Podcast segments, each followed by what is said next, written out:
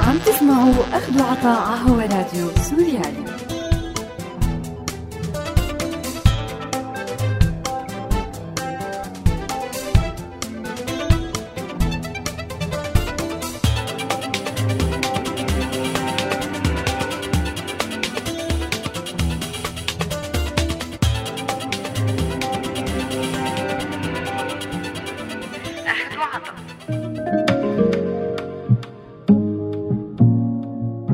أعزائي المستمعين أهلا وسهلا فيكم. برحب فيكم أنا مايا بحلقة جديدة من برنامج أخذ وعطاء وبذكركم أنه هذا البرنامج بالتعاون مع مبادرة كلنا مواطنون. تعتبر النسوية من أكثر الحركات إثارة للجدل بالقرن العشرين. ويعتبر أنه إلها تأثير مهم على كثير من الجوانب الاقتصادية والاجتماعية والثقافية بكل العالم. بس وقت بنذكر كلمة نسوية بظن أغلبنا أنه هالمفهوم مدرك بشكل كامل وبعضنا بيظهر حماسه تجاه المفهوم وإن كان بيعارض بقرارة نفسه قيم وأفكار النسوية. الحركة النسوية فيمينيزم مصطلح تناقل على الألسن كتير مؤخرا. يمكن بسبب بعض التصرفات الخارجة عن المألوف واللي بعض منها انشهر كتير على الإنترنت وبالأخبار. مع أنه هي التصرفات قاموا فيها الفيمينيستس للاحتجاج والمطالبة بالحقوق بس أخذت صدى كبير باعتبار بعض منها لعب على جانب العيب أو الحرام حسب المجتمعات. وقدرت هي التصرفات بشكل أو بآخر تلفت الأنظار إلها وتثير جدالات واسعة بين مؤيد ومعارض إلها وصار حتى في كتير أصوات بتربطها بنظرية المؤامرة والأفكار والأيديولوجيات الاستعمارية وخاصة بالمجتمعات الشرقية. رغم أنه كتار ما بيعرفوا كتير عن تاريخ ومراحل تطور هي الحركة إلا أنه كتير من المقالات والدراسات وكتب الباحثين اللي بتناقش الحركة النسوية خاصة بالعالم العربي بتحمل تحيز مبالغ ضدها أحيانا وتوصيفها بمعاداة للدين والمجتمع والطبيعة وتحريف جوهر الحركة الحقيقي لتبين وكأنها بتحمل انحلال أخلاقي وتمرد بدون أساس حقوقي على الأعراف والتقاليد. النسوية شو هي ايمت نشأت وشو أهدافها. موضوع حلقتنا لليوم. بعد الفاصل خليكن معنا.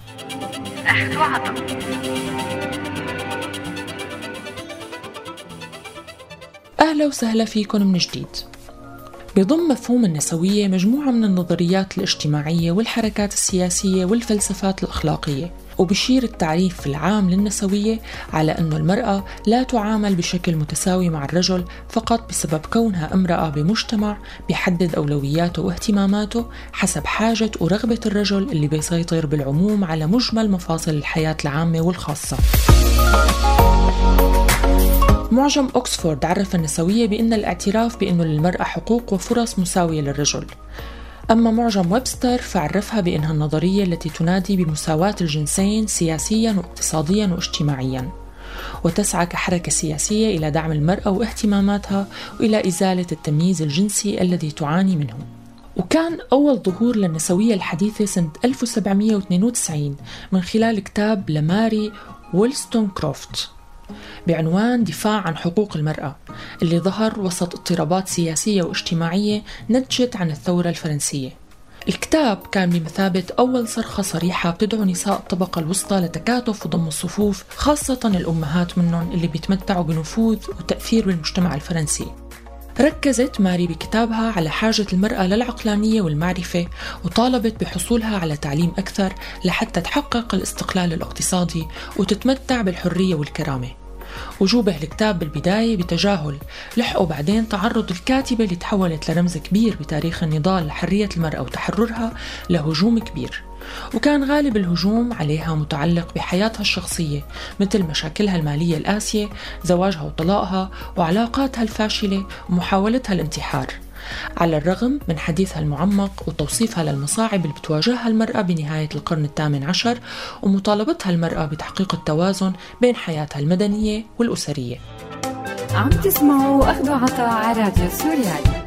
بعام 1839 بإنجلترا كشفت قضية كارولين نورتون الظلم اللي بتتعرض له الأمهات وفتحت جدل واسع أدى لبداية عملية طويلة من تقليص الوحدة القانونية بين الزوجين واللي كانت تعطل الكيان والوجود القانوني للمرأة بعد الزواج باعتبارها بتقوم بكل أفعالها وتصرفاتها تحت غطاء وحماية وموافقة زوجها. كارولين اللي انحرمت من أطفالها بعد ما خطفهم زوجها قامت بمساعدة محامي شاب من التيار الإصلاحي بتوجيه خطاب لمجلس اللوردات انتقدت فيه قانون الحضانة. ونتيجة مجموعة من حركات الضغط تم عام 1839 صدور قانون جديد بيسمح للأم بحضانة أطفالها لتحت سن السبع سنين والتواصل مع الأكبر بشرط تمتعها بحسن السيرة والسلوك وعدم ثبوت جرم الزنا بحقها. وتبع هالقانون سلسلة من القوانين اللي أعطت سنة 1873 ذات السلطة القانونية للآباء والأمهات بالتساوي على الأطفال. تعتبر قضية حضانة الأطفال مثال صغير عن مجموعة من حركات الضغط اللي هدفت لتغيير القوانين السائدة واللي كانت بتميز قانونيا وقضائيا بين المرأة والرجل مثل قانون إثبات الزنا وحق العمل وانعكاساته وغيرهم.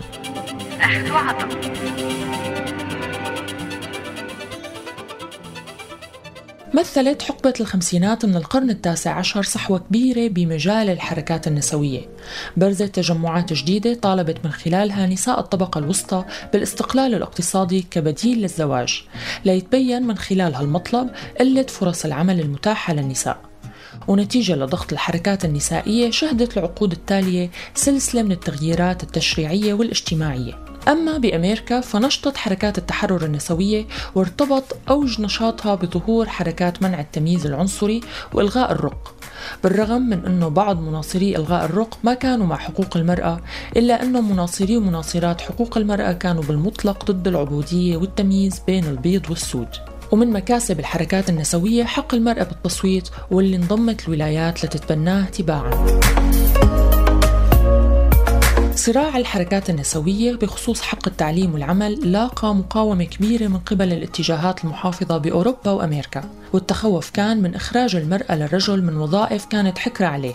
لهيك كانت الوظائف المتاحة للنساء بالبداية امتداد لميدانهن الطبيعي كأمهات. وتم فتح مجالات مثل التدريس والأعمال الخيرية والتمريض وزيارة الإصلاحيات ودور الفقراء والعمل بمجال التدريس. إلا أنه وقت طويل مر قبل ما تمنح الجامعات العريقة مثل كامبريدج درجات علمية متساوية بين الرجال والنساء ليتحقق هالشي سنة 1948 الكثير من المكاسب حصلت عليها النساء نتيجة الحركات النسوية منها قبول الفتيات بكليات الطب حصول المرأة على فرص عمل جديدة بالوظائف العامة وصار من الممكن توليها بعض المناصب بالحكم المحلي ومع الوقت اكتسبت المرأة الحق بالتصويت. وشكلت حقبة الستينات مرحلة جديدة بمسيرة الحركات النسوية فكانت أصول وشرارة هالحركات بتكمن بحركة الحقوق المدنية والحركة الطلابية والحركة المناهضة لحرب فيتنام. وكانت أول مظاهرة عامة كبيرة سنة 1968 احتجاجا على مسابقة ملكة جمال أمريكا. وكان من ضمن مظاهر الاحتجاج بهي المظاهرة إقامة صندوق مهملات رمت المتظاهرات فيه فوط التنظيف والصحون والأحذية بكعب عالي وحمالات الصدر والمشدات. وسعت الحركة النسوية كمان لإصلاح القوانين اللي أعطت الزوج الحق بالسيطرة على زوجته وساهمت الحركة بإبطال القانون اللي بيمنع مقاضاة المرأة لزوجها بتهمة الاغتصاب. أما ببريطانيا وبنفس الحقبة ارتبطت النسوية بالمطالبة بحقوق الطبقة العاملة أو البروليتاريا مثل عاملات الخياطة بشركة فوردر اللي طالبوا من خلال إضراب بالمساواة بالأجور مع الرجال. ونتيجة هالشي كان الطابع المميز للنسوية ببريطانيا بهديك الفترة هو الطابع اليساري الاشتراكي والماركسي.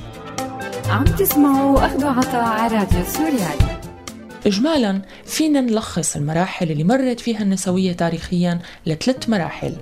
الأولى ذروتها بالقرن 19 وأول القرن 20 ومهد هي الحركة هي الولايات المتحدة الأمريكية والمملكة المتحدة. وركزت على المطالبة بالمساواة القانونية بين الجنسين بالعقود كالزواج وتربية الأطفال والملكية الفردية. بنهايتها تم التركيز على الحقوق السياسية للمرأة كالتصويت والاقتراع بالانتخابات والحقوق الاقتصادية. المرحلة الثانية بتضم الفترة بين الستينات والثمانينات من القرن العشرين وغطت معظم أوروبا وبعض دول العالم وشملت النضال لإلغاء الفوارق الثقافية والسياسية بين الجنسين من عادات وتقاليد بتحدد دور المرأة بالمجتمع واشتغلت النسوية بهي المرحلة على توعية النساء عن احتياجاتهم وحقوقهم الشخصية. أما المرحلة الثالثة واللي هي ممتدة حتى يومنا الحالي فشملت إعادة تعريف للنسوية اللي كانت حتى عهد قريب مرتبطة بالمجتمعات الغريبة والبيضاء. وتخصصت النسوية أكثر بمناصرة المرأة من جوانب معينة بتحددها كثير من الاختلافات الثقافية والفكرية حول العالم. وكمان صارت النسوية أكثر مرتبطة بقضايا العالم وبترتبط فيها بشكل مباشر مثل قضايا العدالة الاجتماعية والحرية والحقوق المدنية والتغيير السياسي والاجتماعي وحتى تغيير النظام العالمي والقضايا البيئية ومناهضة الاستعمار والاستغلال بكل أشكاله. بالمقابل أيضا برز وجود اتجاهات نسوية دينية بتحاول تلاقي وضع أكثر ملائمة للمرأة وفق تفسير النصوص والتعاريف الدينية بشكل أكثر إنصافا إلها. ونسوية لا دينية بتلاقي الدين متعارض تماما مع أي وضع منصف للمرأة بالمجتمع. وفي النسوية اليسارية والنسوية اللاسلطوية والنسوية الليبرالية وغيرها كتير من التصنيفات الأيديولوجية.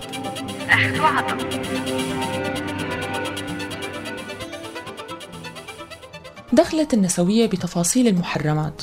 وصارت معنية بنقد الأديان والمنظومة الاجتماعية الأبوية أو البتراكية اللي بتسلب المرأة حرية تصرفاتها. وفسرت النوع الاجتماعي والجنسانية بطريقة مختلفة وتناولت قضايا الجنس بطريقة مختلفة تماما عن الطريقة النمطية اللي كانت سائدة ومن منطلق بيهدف لتمكين المرأة وحرية خيارها بالتصرف. ناهضت النسوية وبتناهض بهذا المجال تشييء المرأة عن طريق صناعة الإعلام بتناهض كمان القوانين المتهاونة مع جرائم الشرف وبتناهض الختان المتبع ببعض الدول وصناعة الدعارة والإباحية. بوصفها كلها بتحول المرأة لسلعة وبتغذي توجهات العنف ضد المرأة بالمجتمعات وبتشجع على الاغتصاب والتحرش. بنفس الوقت بتعتبر النسوية أنه من حق المرأة تكون مسؤولة عن خياراتها الجنسية المرتبطة بحاجاتها ورغبتها الشخصية. بتحاول النسوية كمان تفهم العلاقة الطردية بين عدم حصول المرأة على حريتها وبين الاستبداد السياسي والاستغلال الاقتصادي والجهل والاستعمار والمشاكل العامة بالمجتمعات اللي بيكون التفريق بين الجنسين فيها هو نتيجة حتمية لكل هي المشاكل. عم تسمعوا أخذوا عطاء على راديو سوريالي. إحدى الناشطات النسويات السوريات شاركتنا بآرائها حول مفهوم النسوية وعلاقته وتفاعله مع باقي المفاهيم وعن سبب اهتمامها بالنسوية والجوانب اللي النسوية بحاجة لتطويرها وهل هي مرتبطة فقط بحقوق النساء أم بتتأمل تحدث تغيير بالمجتمع كله. برأيك النسوية بحاجة لتطوير ومن أي ناحية؟ أنا برأيي كل المفاهيم هي تتطور بطبيعة الحال. يعني ما بتضل على ذاتها أصلا. آه، لأنه الموضوع يعني لما بنحكي نحكي عن جسم أو فكر فهو ما جسم واحد. هو في تيارات وفي في نظريات بداخل هاي المدرسة. فالنسوية النسوية هي فكر آه، سياسي اجتماعي. وهو يتطور بتطور الواقع تطور الحاجة تطور الأحداث. آه شو المحاول ممكن تتطور فيه؟ أنا شايفة إنه هذا سؤال كتير مسبق لأنه يعني نحن اليوم ما عنا برأيي أنا بسوريا ما أنا ماني شايفة خطاب نسوي. أنا شايفة نسويات. في نسويات ما فيش ما في خطاب وهذا النسويات ما لسه ما صار في فرصة حقيقية برأيي لتشكيل خطاب نسوي. يعني فرصة بمعنى أنه يعني أسباب موضوعية في أسباب آه يعني العلاقة بالحرب وعجالتها يعني كيف واحد عنده كتير شغل يشتغله فبيصير في بصير النساء لما بتشتغل الشغلة اليوم فلأنه يمكن الحاجة الماسة للبلد بإنه اليوم في شغل لازم يصير فهذا انشغل البلد بهي بهي الحاجات بتبعد من القضايا الاجتماعية الفكرية لازم تنحكى بحقيقة يعني شو علاقة النسوية بالحراكات المجتمعية والمدنية الأخرى؟ وهل هي فقط معنية بحقوق المرأة؟ فيك تحكي عن عن الاختلافات آه، آه، الجوهرية بين حقوق المرأة خطاب حقوق المرأة وبين خطاب النسوي خطاب حقوق المرأة هو حقوقي بحت هو أحد يعني نضالات الحقوقية اللي لها علاقة بالقانون ونواقصه ومشاكله فبتتشكل عندك حاجة بما أنه في تمييز وظلم بهذا القانون. تتشكل عندك ردة فعل إنه لا تعالوا نقعد نحكي بالقانون. واحد اثنين ثلاث بتشكل عندك خطاب حقوقي آه مرأة. بينما النسوي هو فكر بمعنى إنه هو بيشوف تأثيرات آه الهرمية السلطوية آه كيف بتأثر على الجسد سياسيا اجتماعيا اقتصاديا إلى آخره هويتيا يعني كل كل هي تفاصيل كيف بتأثر على الجسد. ومن هون بتخلق عندك أنت حكي مو بس عن المرأة. يعني أنت عم تحكي عن مزدوجي الجنس أنت عم تحكي عن الثنائيين أنت عم تحكي عن الأحرار الجنس أنت عم تحكي عن الثنائيات وعن هويات مختلفة من الجنس ومن الهويات الجندرية والهويات الاجتماعية. آه وكيف هذا كل هذا العلم هو تماما يعتبر مهم. يعني اليوم تتشكل عندك أنت خطاب حقيقي ثقافي بيعتبروا حالهم تقدميين إنه هذا حكي ما مهم هلأ. يعني كيف التمييزات أو كيف السلطة بتأثر على الجسد وكيف كونك أنت آه يعني جسدك مختلف عن المحيط آه وكيف هو مرتبط معاني وصور مركبة تماما اجتماعيا وحسب السياق اللي أنت موجود فيه. فهذا هو غير معني بالنسبة للمثقفين وهذا غير ما معنيين فيه المثقفين ولا التقدميين ولا الأحرار.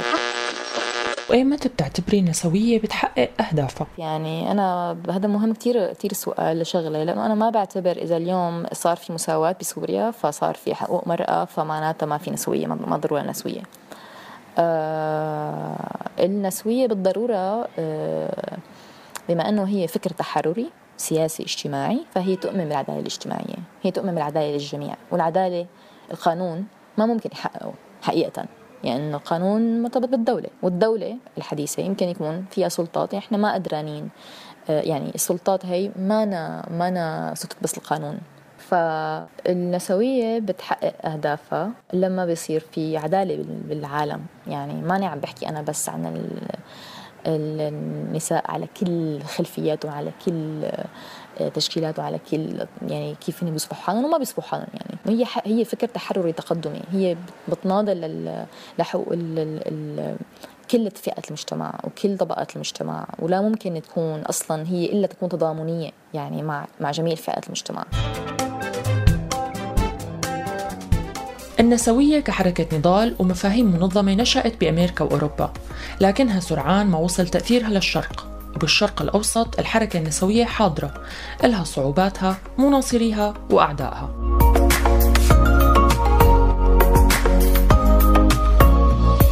بحلقتنا الجاية رح نحكي عن النسوية بالعالم العربي عموما والمبادرات والحراكات النسوية اللي ظهرت مع ثورات الربيع العربي واللي عطتها نداءات التغيير والمطالبة بالحريات دفعة وفرصة لتعلي صوتها بأفكارها ومطالبها وتثير الجدل حول طرقها المختلفة بالتعبير.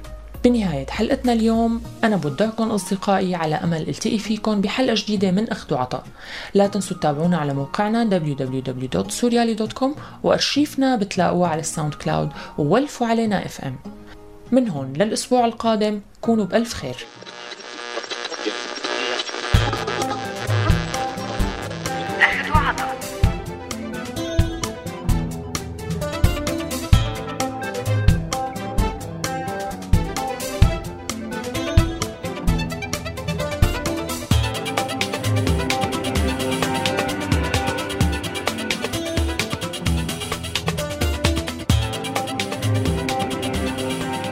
هذا البرنامج من إنتاج راديو سوريالي 2015